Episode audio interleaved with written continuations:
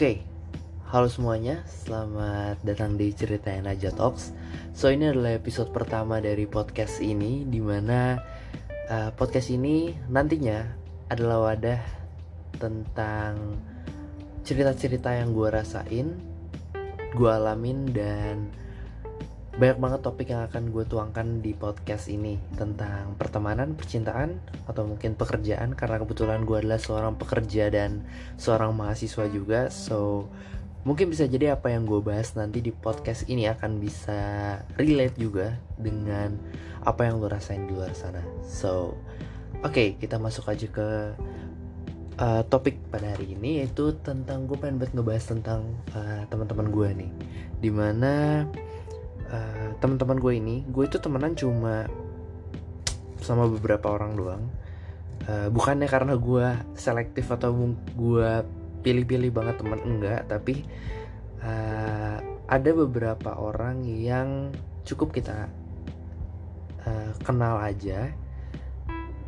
Cukup untuk jadi teman dan rekan kerja aja. Dan ada juga beberapa orang yang bisa kita jadiin mereka itu adalah teman yang benar-benar teman kita banget yang tahu gitu kalau kita lagi di kondisi kayak gimana, kita lagi ngadepin apa dan mereka adalah salah satu tempat uh, pulang lah istilahnya kayak gitu untuk semua lelah, letih dan tempat pengaduan untuk diri gue sendiri. Dan mereka sendiri uh, mereka ini ada beberapa orang dan semuanya cowok semuanya cowok. Karena gue adalah salah satu tipikal orang yang kurang mempunyai hubungan baik lah.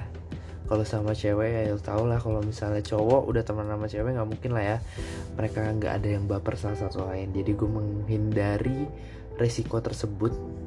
Jadi lebih baik kita temenan sama yang benar-benar aja yang jelas-jelas aja kayak gitu. Oke. Okay. nah uh, teman-teman gue ini kebetulan udah temenan sama gue ini sekitar ya dari SMA kelas 1 lah. Dari SMA kelas 1 bahkan udah ada yang kenal sama gue itu dari SMP yang lucunya ada satu orang teman gue ini dia uh, tadinya awalnya bukan temen yaitu adalah bisa dibilang bukan musuh juga tapi kayak kita kayak perang dingin gitu. Karena dulu atau SMP dia ini adalah salah satu adik kelas gue tapi beda sekolah gitu. Dia lebih muda daripada gue setahun. Jadi case nya itu dia suka sama cewek. Nah cewek ini ternyata sukanya sama gue jadi sejak saat itu dia tuh si teman gue ini dia itu nggak suka sama gue gitu. Dia nggak suka sama gue dan ada satu uh, apa satu kondisi di mana cewek yang dia suka ini tiba-tiba ngechat temen gue ini. Dia bilang kalau pengen nemenin eh minta tolong temenin untuk main basket di perumahan gue nah terus pas singkat cerita mereka berdua datang ternyata temen gue ini nggak tahu kalau ternyata cewek ini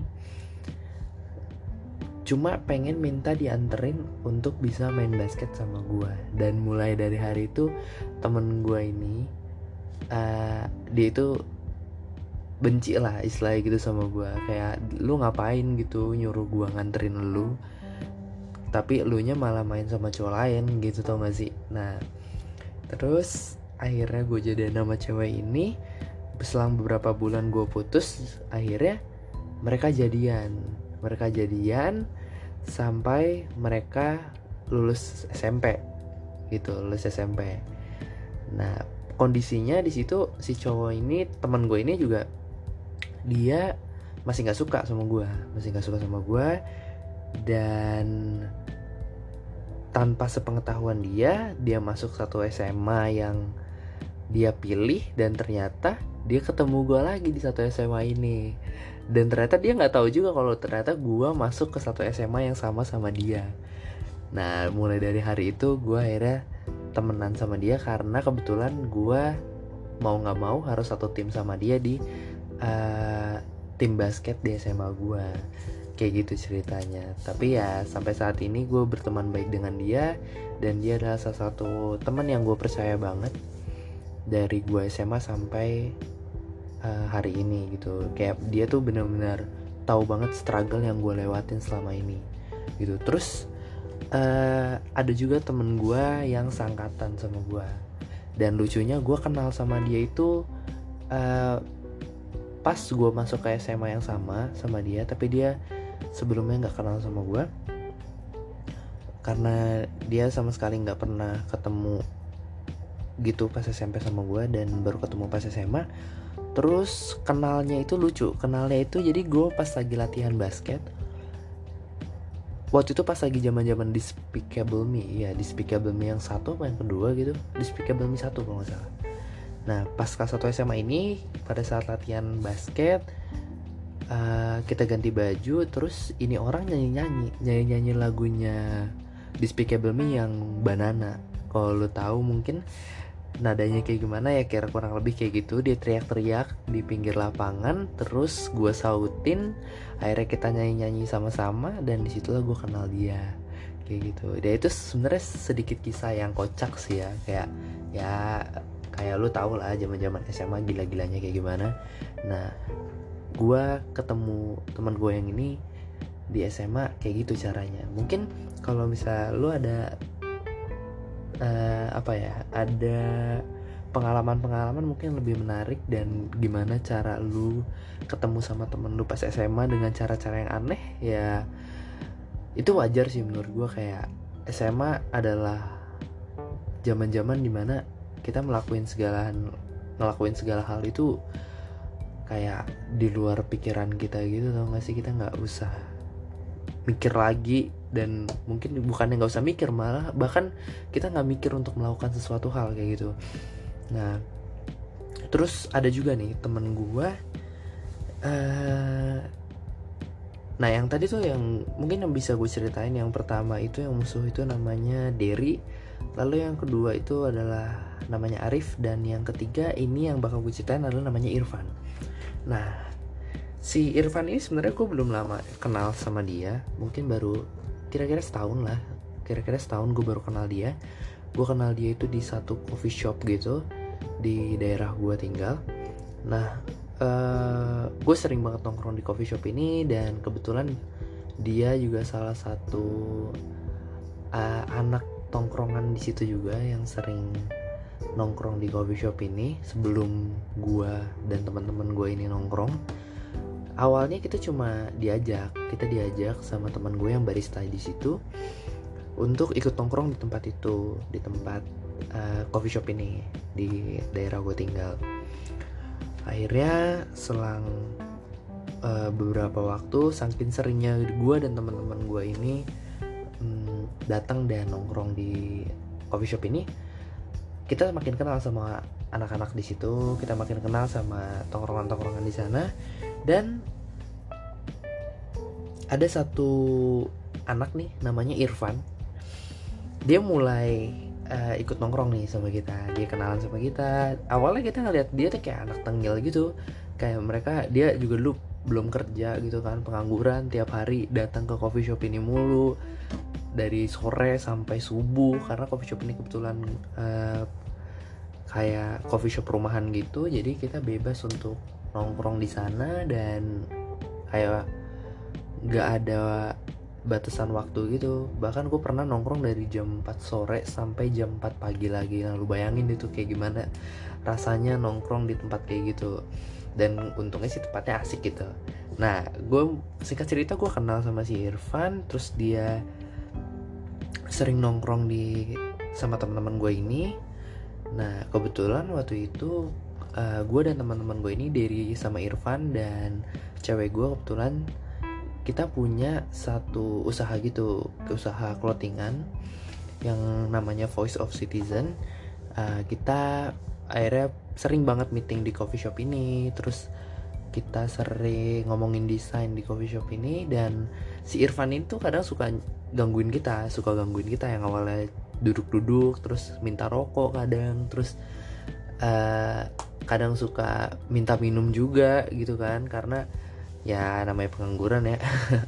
Ya kayak gitulah. Terus akhirnya gue kenal sama dia dan ada satu momen di mana ini adalah momen yang bikin dia bisa deket banget sama gue dan teman-teman gue itu dia cerita waktu itu dia itu uh, merasa direndahkan istilahnya gitu. Merendah di merasakan hal yang menurut dia ini oh gue direndahin nih gitu kan sama satu orang yang ya sebenarnya gue nggak kenal tapi dia ceritain orangnya kayak gimana dia kasih tau fotonya. Jadi pada momen tersebut dia nyeritain kalau dia itu di uh, bukan diledekin jatuhnya tapi lebih ke dikatain sih ya dikatain dan disindir kalau lu nggak kerja kerja deh lu nganggur mulu lu kontribusi lu sama coffee shop ini apa sampai setiap hari lu datang ke sini dan nggak jajan kayak gitulah istilahnya. Akhirnya singkat cerita dia cerita sama kita dan kita tanggepin kita kasih advice juga ke dia.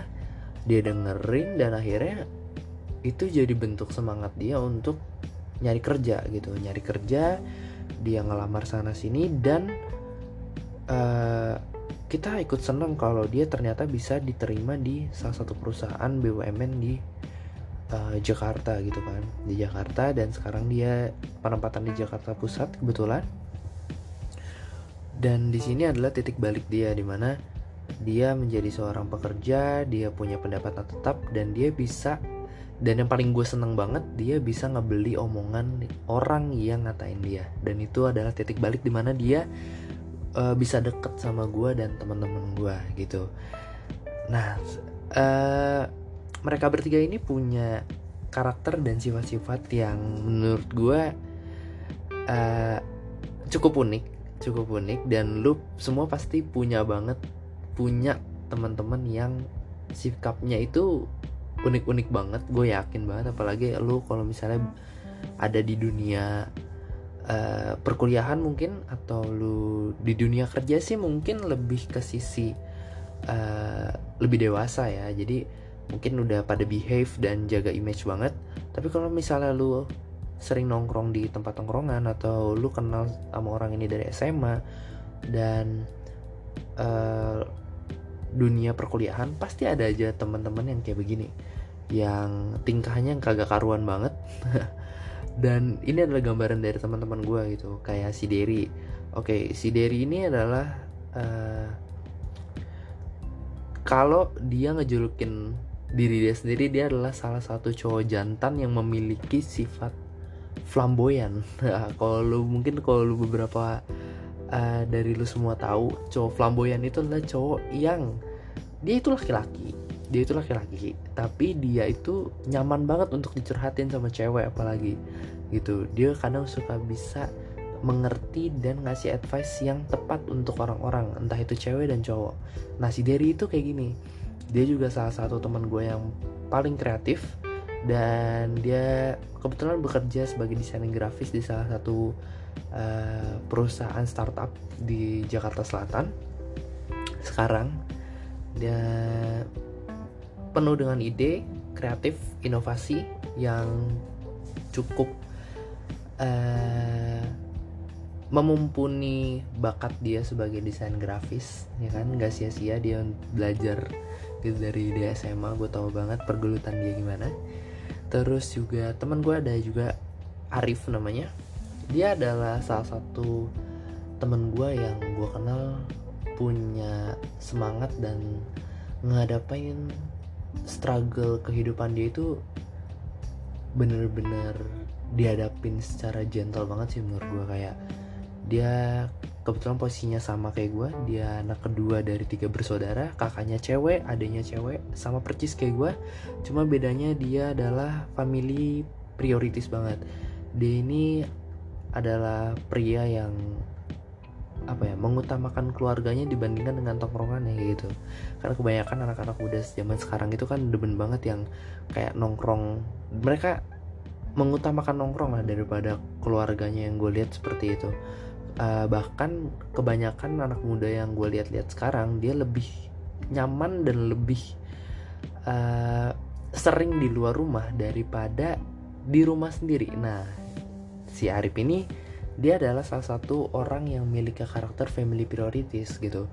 Dia nurut banget sama nyokapnya nurut banget sama bokapnya sampai-sampai dia bekerja dan kuliah itu untuk uh, menciptakan financial freedom bagi keluarganya. Dan ini menurut gue adalah salah satu uh, hal positif yang bisa gue ambil dari dia. Gue banyak banget belajar dari uh, dia untuk bisa memprioritaskan keluarga gue daripada tongkrongan gue dan pekerjaan gue juga. Meskipun gue nggak bisa bohong kalau gue itu butuh duit tapi uh, keluarga tetap harus nomor satu kayak gitu. Nah untuk si Irfan teman gue ini Irfan ini uh, dia adalah salah satu orang pejuang juga.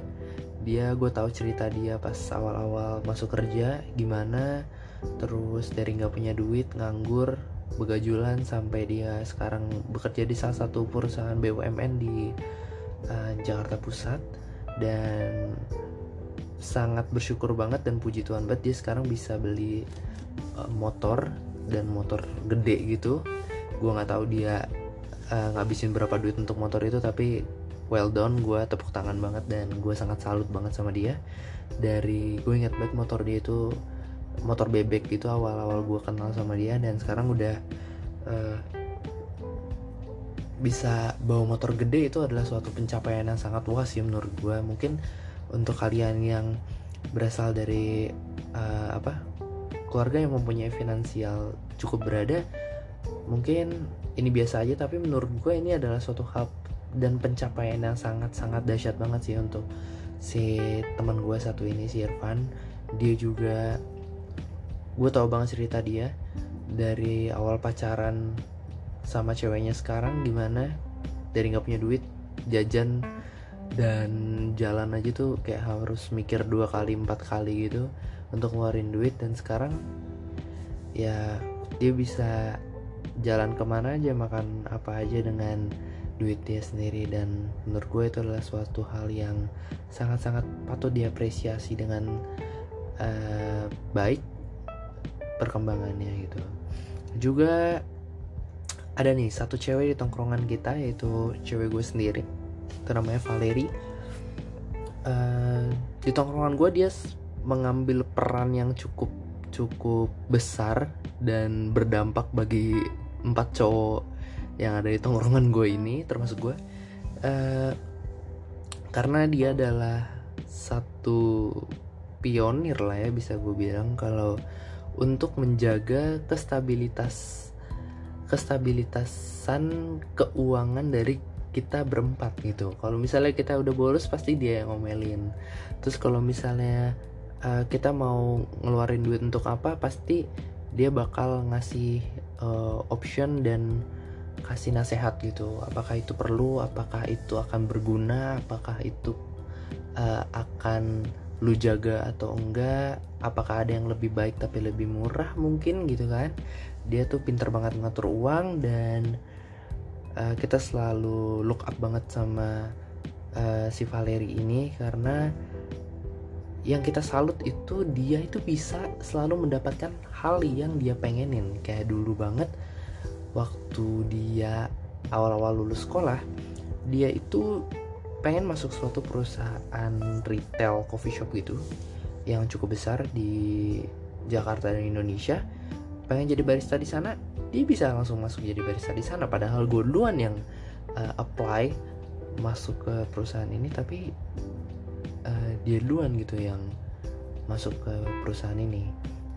Terus uh, dia pengen masuk ke suatu perusahaan keuangan di bank sih bank di yang cukup besar di Asia. Dan akhirnya dia sekarang bisa masuk ke perusahaan itu. Dan ini sih yang kita kagum banget dari sosok Valeri ini karena dia bisa semangat nggak putus asa untuk mengejar apa yang dia pengen gitu. Nah mungkin kalian semua punya teman-teman kayak gini dan yang gue pengen bagiin di podcast kali ini kayak karena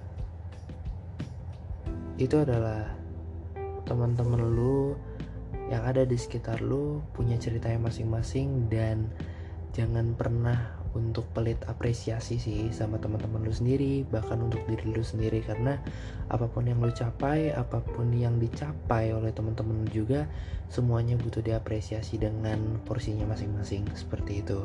So ini adalah podcast pertama gue dan bahasan gue kali ini adalah pertemanan gue circle gue dan berapa pentingnya apresiasi untuk apa yang lu capai dan dicapai oleh sekitar lu karena apresiasi itu meskipun sedikit meskipun kecil itu bisa ngerubah dan berdampak sangat besar sekali untuk lingkungan diri lu sendiri dan pertemanan lu kayak gitu.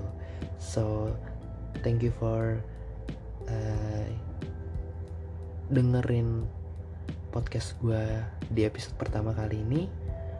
Dan tunggu podcast gue selanjutnya mungkin bisa sama teman-teman gue atau sama yang lainnya. Oke okay, so good night. See you on the next episode